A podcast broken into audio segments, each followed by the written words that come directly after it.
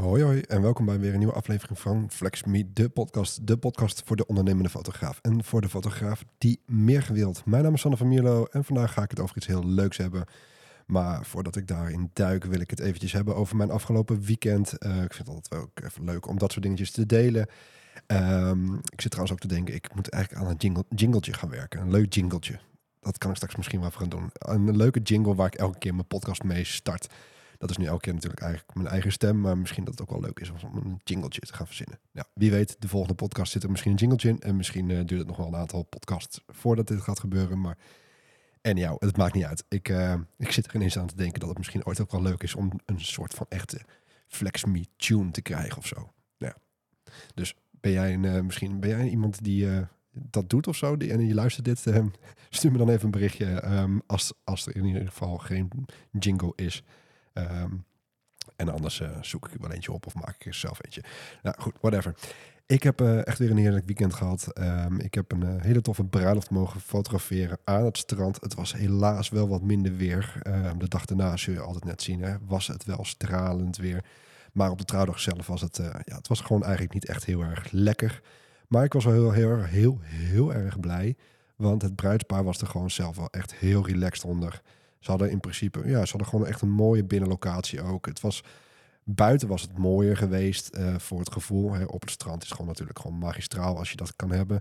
Maar uh, ze waren echt heel relaxed onder. En dat vond ik ook wel heel fijn. Dat heb ik ook tegen ze uitgesproken. Ik zei van, het is gewoon heel fijn dat jullie er zo in staan. Want ja, als je daar helemaal om gaat lopen panikeren... en helemaal panisch en manisch en helemaal gekker over gaat worden... ja, maak je jezelf een rek. Want het is niet dat in één keer het weer dan daardoor beter wordt. Dus ja, ik uh, bedank mijn bruidsparen altijd wel heel erg als ze gewoon daarin heel relaxed zijn. En uh, ik vind het altijd wel heel fijn. Uh, kijk, ik leg vast wat, wat er gebeurt. Dus ook als, als het wel regent en ze zijn daar helemaal gestrest en verdrietig om, ja, dan leg ik het ook vast.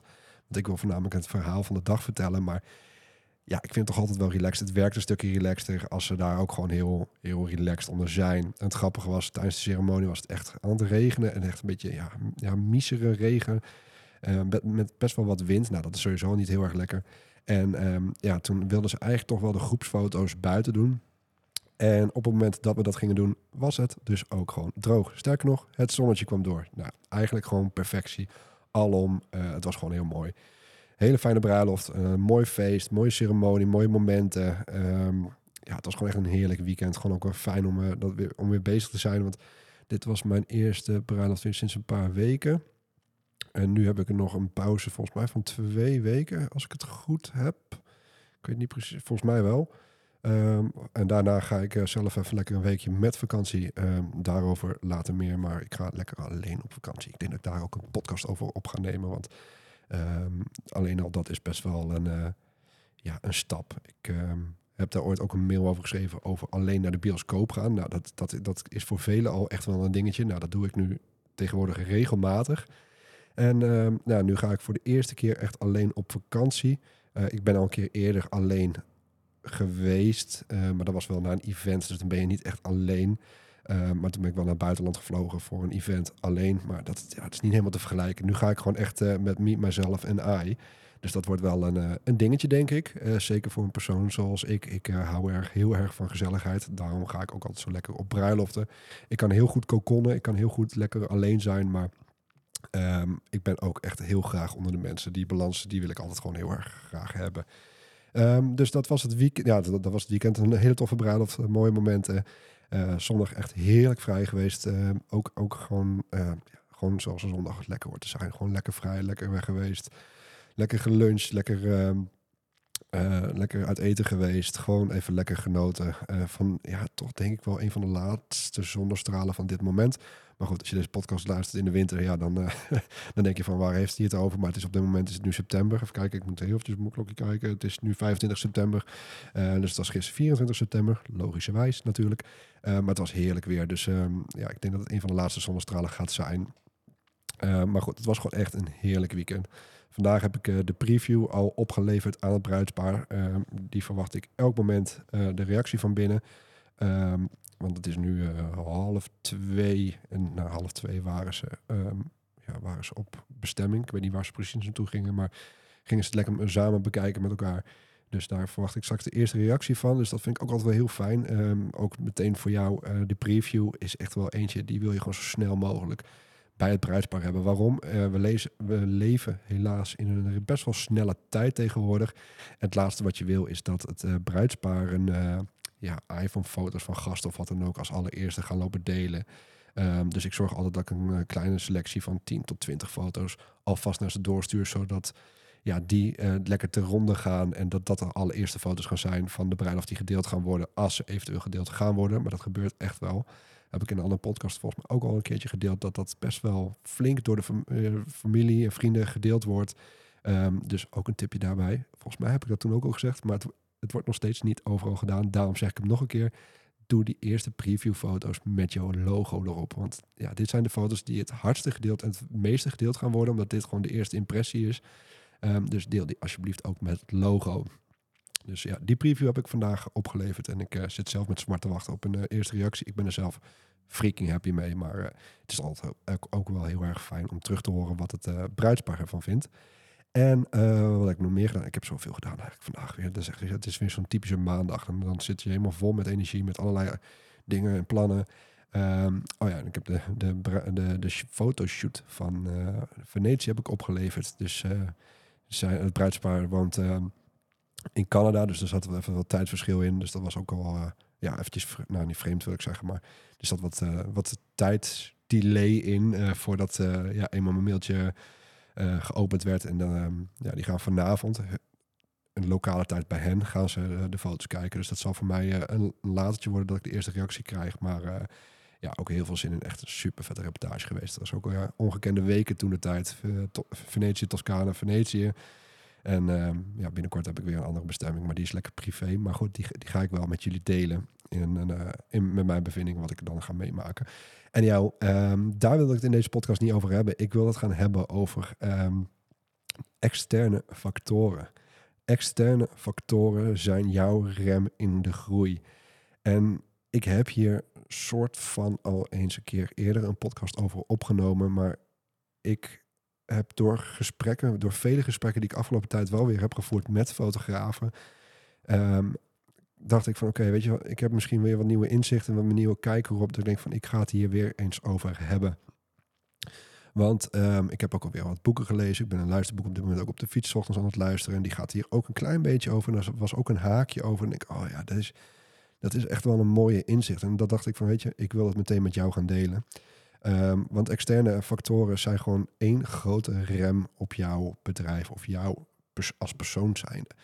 En hoe ik die precies bedoel is het volgende. Dat als jij um, iets meemaakt of als jij eigenlijk gaat wijzen, ja maar dat komt door die, ja maar zus, ja maar de markt zo, ja maar de prijzen worden hoog, ja maar zus. Nou, eigenlijk elke keer extern, dus wijzend naar de externe factoren, betekent dat jij eigenlijk stopt met naar jezelf te kijken.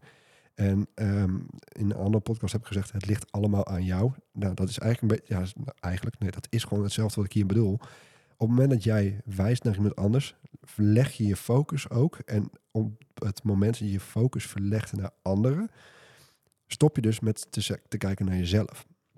En dat uh, kwam ook in het boek naar voren. En ik, ik had toevallig eh, gisteravond was ik een, uh, een, een, documentaire aan het kijken. Die had ook soort van raakvlakken hiermee. En toen dacht ik, wow, dit is geen toeval dat ik dit nu per ongeluk... Want het was echt per ongeluk dat ik dat, dat die documentaire keek. denk, ja hoor, hoe dan?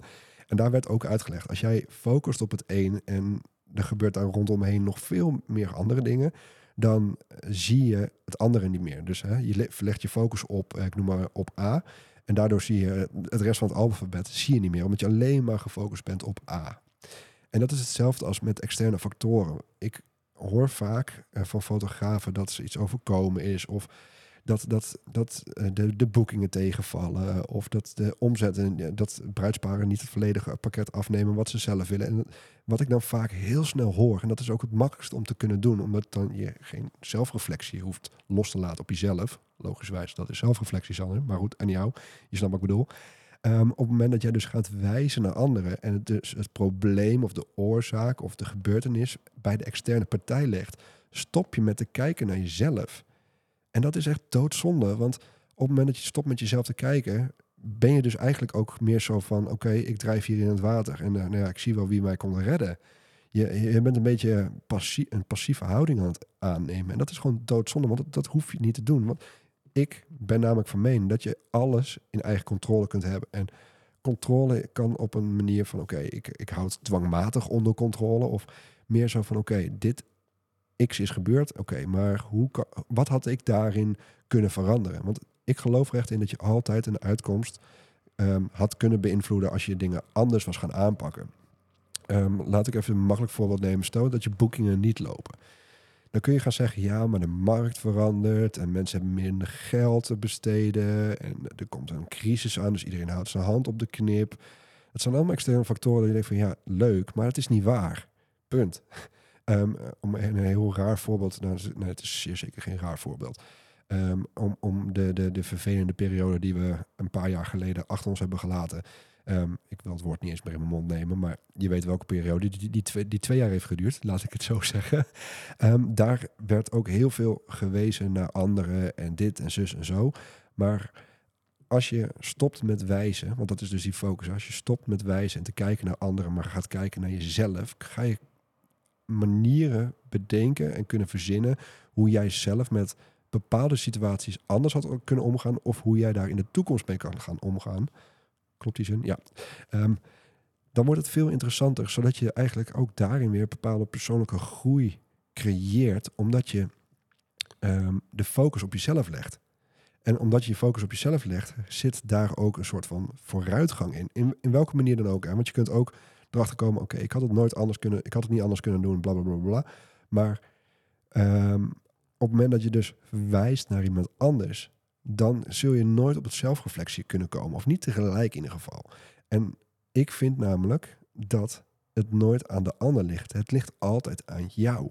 Jij hebt de controle over ja, de uitkomst of de, de gebeurtenis of whatever. Jij hebt die, die, die, die controle. Dus als jouw boekingen niet lekker lopen, dan kun je wel de markt de schuld gaan geven of de omgeving de schuld geven of weet ik het, waar je, de, wat voor dingen je allemaal zou kunnen bedenken. Maar het ligt aan jou. Jij focus je op jezelf. Het is zo makkelijk om te zeggen, ja, maar jij.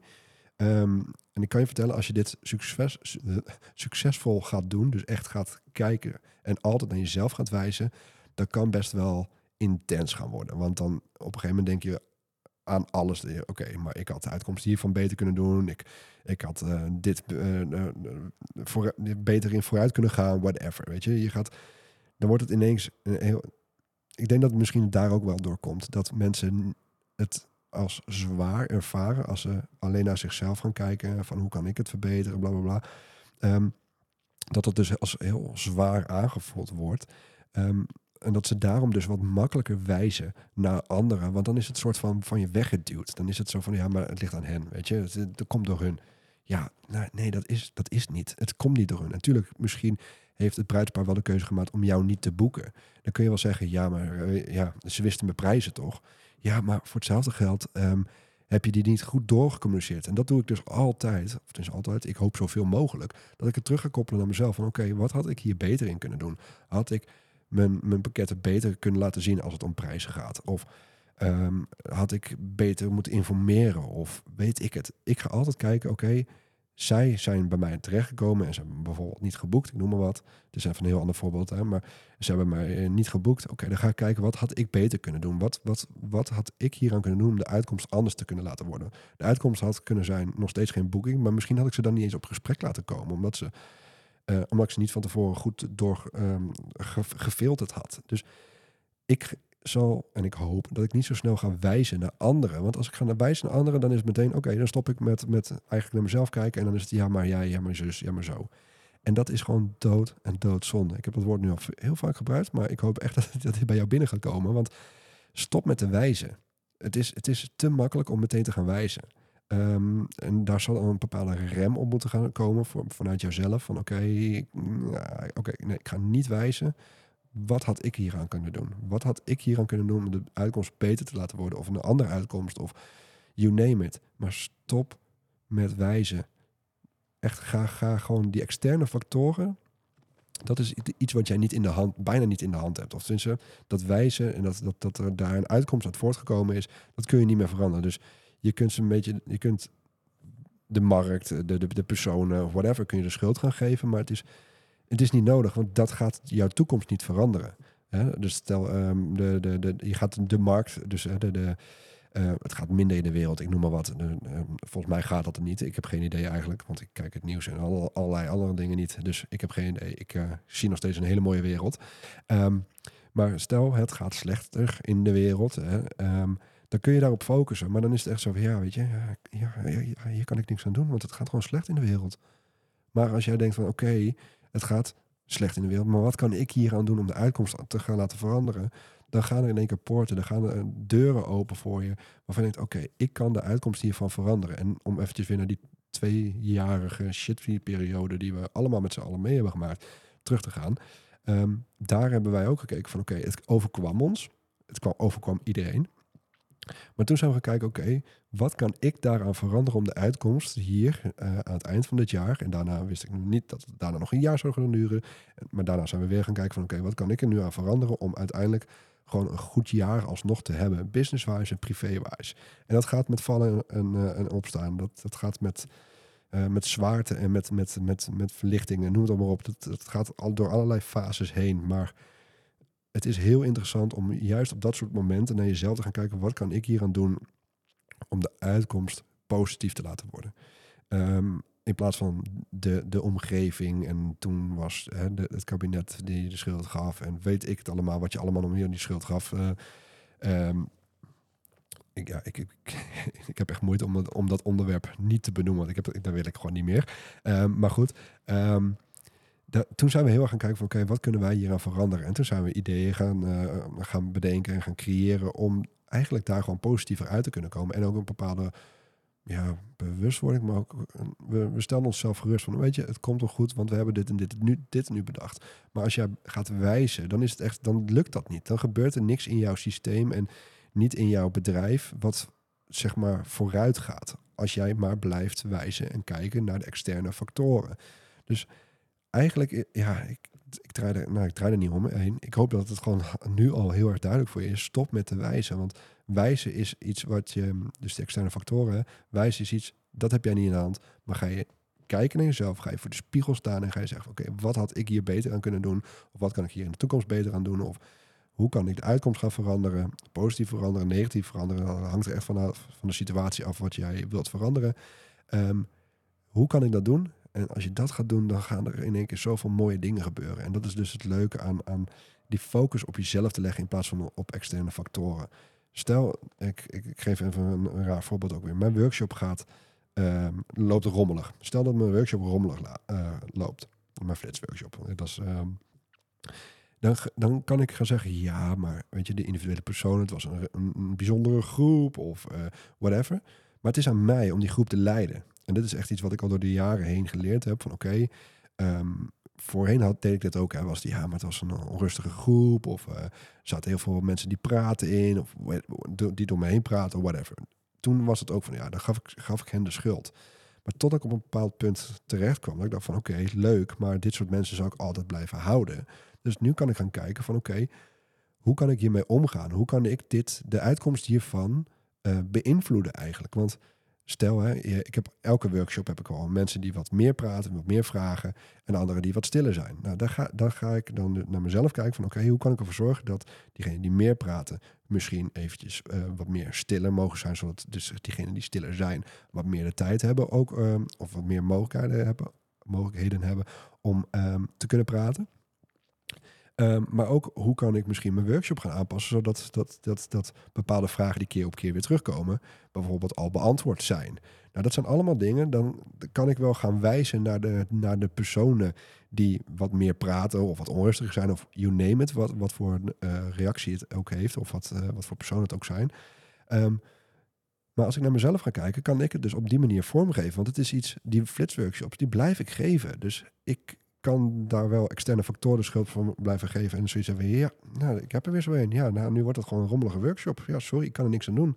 Of ik ga er juist aan werken en ik ga kijken van, oké, hoe kan ik dat opvangen? Hoe kan ik daar aan gaan werken, zodat het een, fijne dynamiek gaat worden? Dat heb ik in de hand. Dat kan ik beïnvloeden. Uh, op een positieve manier, hè? Dus doe dat op mijn business en op de gebeurtenissen rondom mij heen. Probeer ik dat altijd te doen. Oké, hoe kan ik de uitkomst hiervan veranderen? Ik zit echt te denken, ik heb nu een podcast opgenomen waar ik eigenlijk vrij... Ja, ik heb een aantal voorbeelden gegeven, maar waar ik niet echt een specifiek iets heb. Omdat, ja, dit... Misschien dat jij nu al zoiets hebt ehm, eh, van, oh ja, ja, daar deed ik wijzen. Ehm, ik, zit gewoon, ik zit nu vooral te denken dat ik niet echt een, een, een heel praktisch voorbeeld heb gegeven. Of misschien eigenlijk wel. Maar voelen ze voor mij niet meer als praktisch. Nou, dan mag je me even laten weten of het wel praktisch of niet praktisch was. Uh, en jou, um, ik hoop vooral dat deze heel erg duidelijk is dat op het moment dat je het gevoel hebt dat je gaat wijzen en gaat zeggen, mm, dat je meteen terugwijst naar jezelf. Oké, wat kan ik hieraan veranderen om de uitkomst hiervan te veranderen en te verbeteren? Ik ga hem lekker afronden, want anders wordt het misschien wel echt te warrig. Maar um, stop met te wijzen naar de externe factoren en kijk naar jezelf. En daar zit een hele mooie groei. En dan weet ik zeker dat de rem ook van jouw bedrijf of jouw persoonlijke ontwikkeling, jouw vooruitgang eraf gaat. En dat je meteen losgaat en een hele mooie kant op gaat. Dus stop met de externe partijen. Kijk naar jezelf. Heel veel succes. En mocht je hier uh, moeite mee hebben of tegenaan lopen of whatever, stuur me gewoon gerust eventjes een uh, privéberichtje op Instagram. En dan uh, kijk eventjes of ik jou met een paar zinnen of mooie woorden jou verder kan helpen. Hartstikke bedankt weer voor het luisteren en tot de volgende. Doei doei!